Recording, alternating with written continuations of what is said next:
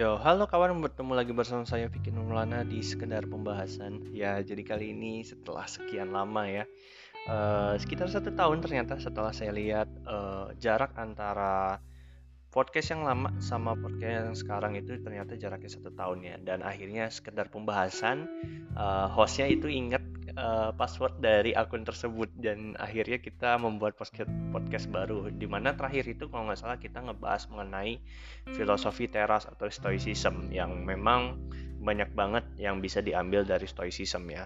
Nah sekarang ini kita akan membahas mengenai stres. Jadi kalau kalian uh, apa namanya uh, lihat di sosial media apa segala macam itu banyak banget orang yang mengalami stres bahkan depresi jadi sebenarnya stres itu apa sih? Nah, dari beberapa sumber yang uh, Vicky dapetin gitu kan. Di sini Vicky udah kumpulin banyak banget sumber mengenai apa itu stres, tanda-tanda stres dan bahkan bagaimana cara mengatasi stres-stres. Nah, disclaimer dulu sebelum kita memulai semua perkataan yang Vicky sampaikan nantinya itu uh, gas seluruhnya subjektif dan sorry, gas seluruhnya itu objektif tapi nanti beberapa ada yang subjektif juga tapi kemungkinan bukan kemungkinan tapi kebanyakan nantinya itu bakal uh, objektif dan merupakan riset yang Vicky dapetin jadi kalau kalian masih ngerasa uh, infonya kurang atau apa pun itu kalian bisa langsung aja searching di uh, website-website yang nanti Vicky bacakan oke okay? Oke, jadi gini, yang pertama itu kita harus tahu itu apa itu stres. Jadi di sini dari kemkes.go.id ya. Uh, stres adalah reaksi seorang baik secara fisik maupun emosional, mental atau psikis apabila ada perubahan dari lingkungan yang mengharuskan seseorang menyelesaikan diri. Nah, stres ini adalah bagian alami dan penting dari kehidupan, tetapi apabila berat dan berlangsung lama dapat merusak kesehatan kita. Nah, jadi sebenarnya stres itu terjadi secara alami ya kan kalau dari pengertian ini. Sehingga orang semua orang pasti mengalami stres, cuman ada tingkat stres yang ringan dan juga berat di sini. Nah, di sini eh, Kemenkes juga bilang kalau stres yang berat atau berlebihan itu mampu eh, merusak kesehatan kita ya, merusak kesehatan kita itu seperti apa. Jadi di sini halo sehat eh, sudah eh, merangkum ya akibat-akibat uh, stres, akibat-akibat stres. Ada tanda-tanda gejalanya sih, guys. Jadi ada pusing dan ingin segera keluar dari situasi tertentu, timbul nyeri atau tegang pada otot maupun sendi. Waduh, udah kayak iklan ini uh, salep oles ya sering gemeretak gigi atau rahang mengatup, sakit kepala karena terus memikirkan masalah, gejala gangguan pencernaan, diare, sembelit atau mah. Jadi mah juga dipengaruhi oleh stres. Jangan lupa ya guys. Jadi kalau kalian stres siapin bawa obat mah ya guys. Terus nafsu makan meningkat pesat atau malah menurun drastis. Jadi ya akibatnya ya mungkin obesitas guys. Jadi kalau kalau kalian uh, kebanyakan makan biasanya kan obesitas guys kalau enggak gangguan tidur seperti insomnia, jantung berdebar kencang ya guys ya. Jadi jantung berdebar kencang bukan berarti kalian sedang jatuh cinta ya guys ya. Buat atau apa gitu kayak ada jam scare atau apa gitu. Enggak, bisa jadi itu tanda-tanda gejala stres guys. Terus ada telapak tangan dingin dan berkeringat. Nah, itu juga merupakan salah satu tanda stres ya. Jadi kalau uh, telapak tangannya dingin atau berkeringat terus ketubur tubuh gemetar dan kelelahan. Nah, itu biasanya paling sering kita alami ya, guys ya.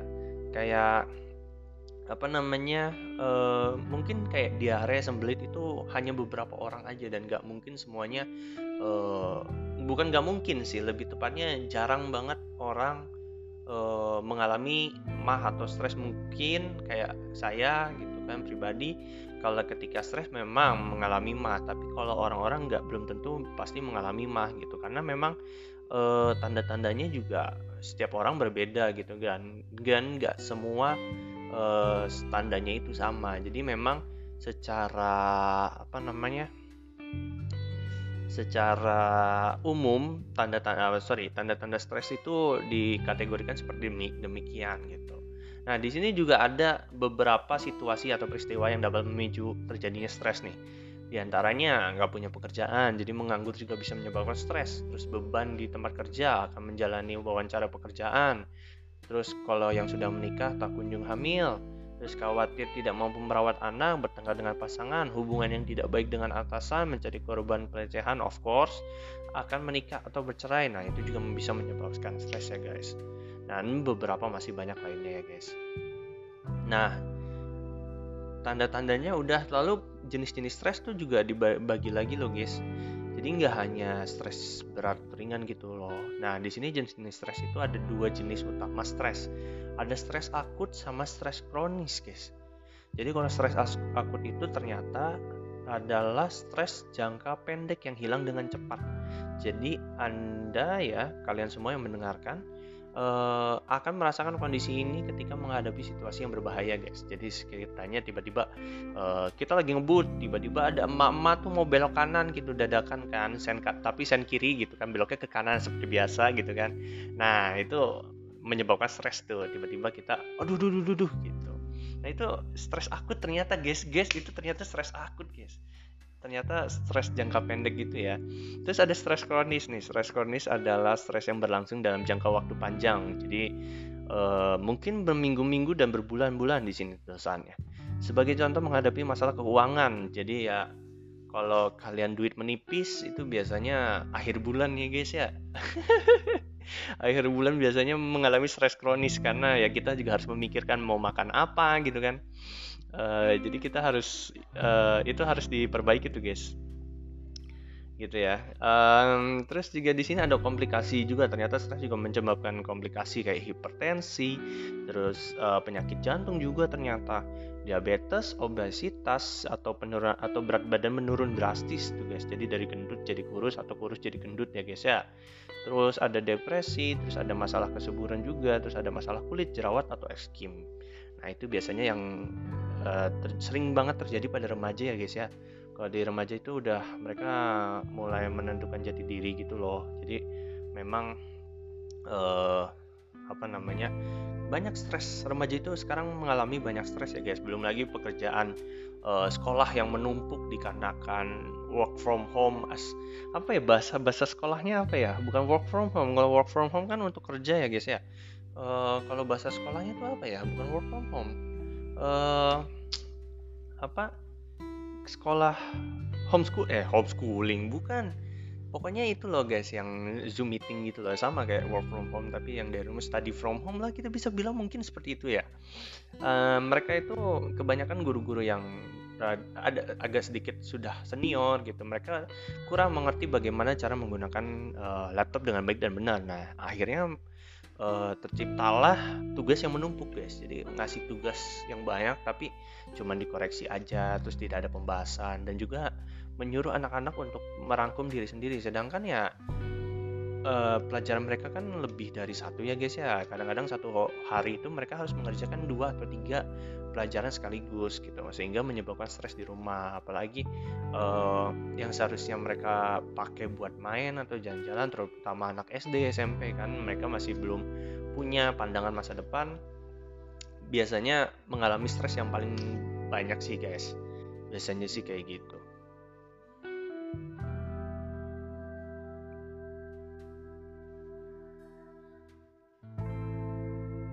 biasanya sih kayak gitu guys. Nah jadi begitu ya guys ya. Jadi memang uh, kita udah bahas penyebabnya gejalanya. Terus juga memang akhirnya kan larinya ke gejala-gejala fisik ya guys ya di situ juga gejala fisik juga ada gejala emosi juga ada kognitif itu ada juga dan perilaku. Jadi memang gejalanya biasanya sih frustasi atau moodnya berubah gitu kan. Kalau fisik ya lemah pusing migrain sakit kepala gitu-gitu. Kalau kognitif ya sering lupa tuh guys.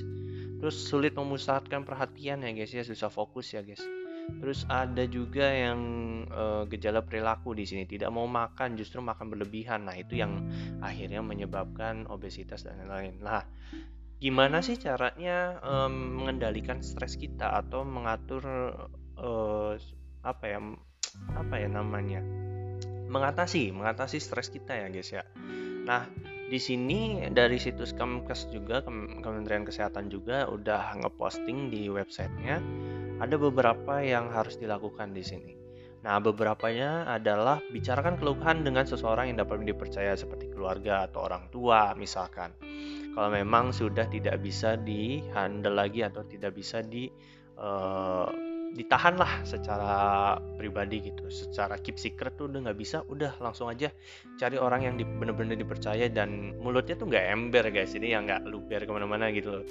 Biasanya sih orang tua kalau nggak orang tua ya misalkan kalian terlalu agamais gitu kan kalian bisa langsung uh, di saat dikala berdoa gitu kan kalian ceritakan keluhan langsung pada Tuhan itu lebih bagus guys. Cuman kadang-kadang seorang manusia itu butuh manusia lain. Jadi uh, kalian bisa cari aja orang yang terdekat dan dipercaya sih guys itu. Terus melakukan kegiatan yang sesuai dengan minat dan kemampuan. Jadi kalau kalian punya waktu luang dan kondisinya lagi stres itu kalian bisa berhenti dulu dari pekerjaan kalian dan kalian bisa langsung mengerjakan sesuai hobi kalian. Ya misalkan kalian punya hobi fotografi mungkin kalian bisa keluar dulu refreshing kan lihat sawah atau apa pun itu yang pemandangan kalian bisa foto-foto dulu misalkan Nah, itu bisa mengurangi stres kalian juga gitu. Terus di sini juga meningkatkan ibadah mendekatkan diri pada Tuhan. Ya, of course, tapi tingkat agama, sorry, bukan tingkat agama ya, tingkat religius antara umat manusia itu hanya dia dan Tuhannya yang tahu kan. Kita nggak pernah tahu. Bahkan kita juga kadang-kadang susah untuk melakukan uh, saran ini gitu untuk meningkatkan ibadah mendekatkan diri pada Tuhan gitu kan. Terus uh, berpikir positif. Nah ini uh, disuruh berpikir positif guys. Jadi kalau kalian stres itu nggak boleh berpikir negatif sih. Langsung berpikir positif aja gitu. Dan uh, kalau kita bisa sebutnya apa ya? PMA ya guys ya. Positif mental attitude ya guys. Oh gila kan bahasanya? Aduh ya ampun English. Good English man gitu. Terus ada tenangkan pikiran dengan relaksasi. Nah, itu bisa kalian bersantai atau enggak benar-benar relax. Badan dan tubuhnya tidur pun nggak apa-apa sih lebih baik kayak gitu. Memang kalau memang tidur bisa membantu menghilangkan stres ya memang disarankan tidur dulu sih guys. Terus ada jagalah kesehatan dengan olahraga atau aktivitas fisik secara teratur guys. Tidur cukup, makan makanan gizi berseimbang, serta terapkan perilaku bersih dan sehat guys jadi ya aktivitas fisiknya harus di uh, dicoba secara teratur ya guys ya jadi kalau memang nggak ada waktu ya kalian olahraga juga bisa guys. Tapi kalau misalkan kalian nggak nggak punya waktu untuk olahraga itu kalian bisa loh. Cuman cuman cukup push up atau static run di kamar itu bisa loh guys. Bener-bener bisa. Jadi memang nggak ada alasan untuk berhenti berolahraga guys. Jadi gitu ya guys ya. Ini secara Kemenkes pun sudah bilang eh, cara-cara e, untuk mengendalikan stres ya guys ya. Dan dengan cara-cara tersebut dipercaya bahwa e, mampu meringankan stres yang ada guys.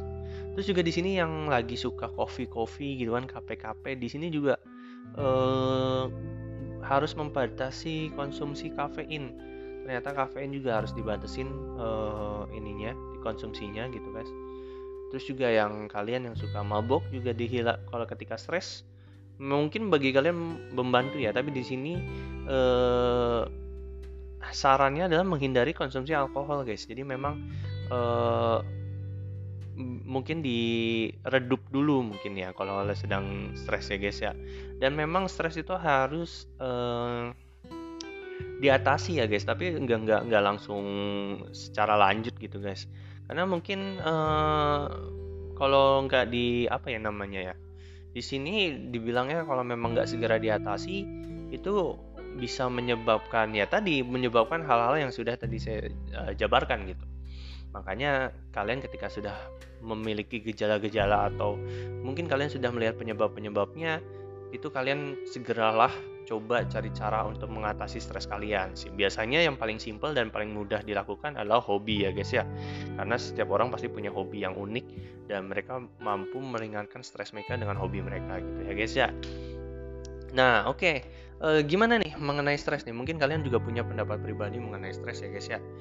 Untuk kalian itu e, sekian dari sekedar pembahasan. Nanti Vicky akan bahas banyak banget e, yang menarik untuk kita bahas di tahun depan karena ini sudah menuju akhir tahun ya guys ya sudah menuju akhir tahun sudah waktunya untuk bersuka cita dengan akhir tahun ya mungkin beberapa dari kalian saya mendengar berita ada yang tidak libur sama sekali ya guys ya Nah itu uh, semangat bekerjanya, jangan jangan jangan putus asa, jangan stres ya. Karena walaupun akhir tahun pun kemungkinan pemerintah akan melakukan pembatasan di mana-mana yang bikin kita untuk malas keluar ya. Tapi kita hargain karena kita sedang melawan pandemi yang sangat luar biasa ya guys ya. Uh, yang gak, kapan kita juga nggak akan nggak akan tahu itu kapan selesainya. Jadi untuk itu terima kasih atas telah mendengarkan podcast kami. Uh, sampai jumpa di next podcast. Selamat tahun baru dan sampai jumpa. Bye bye.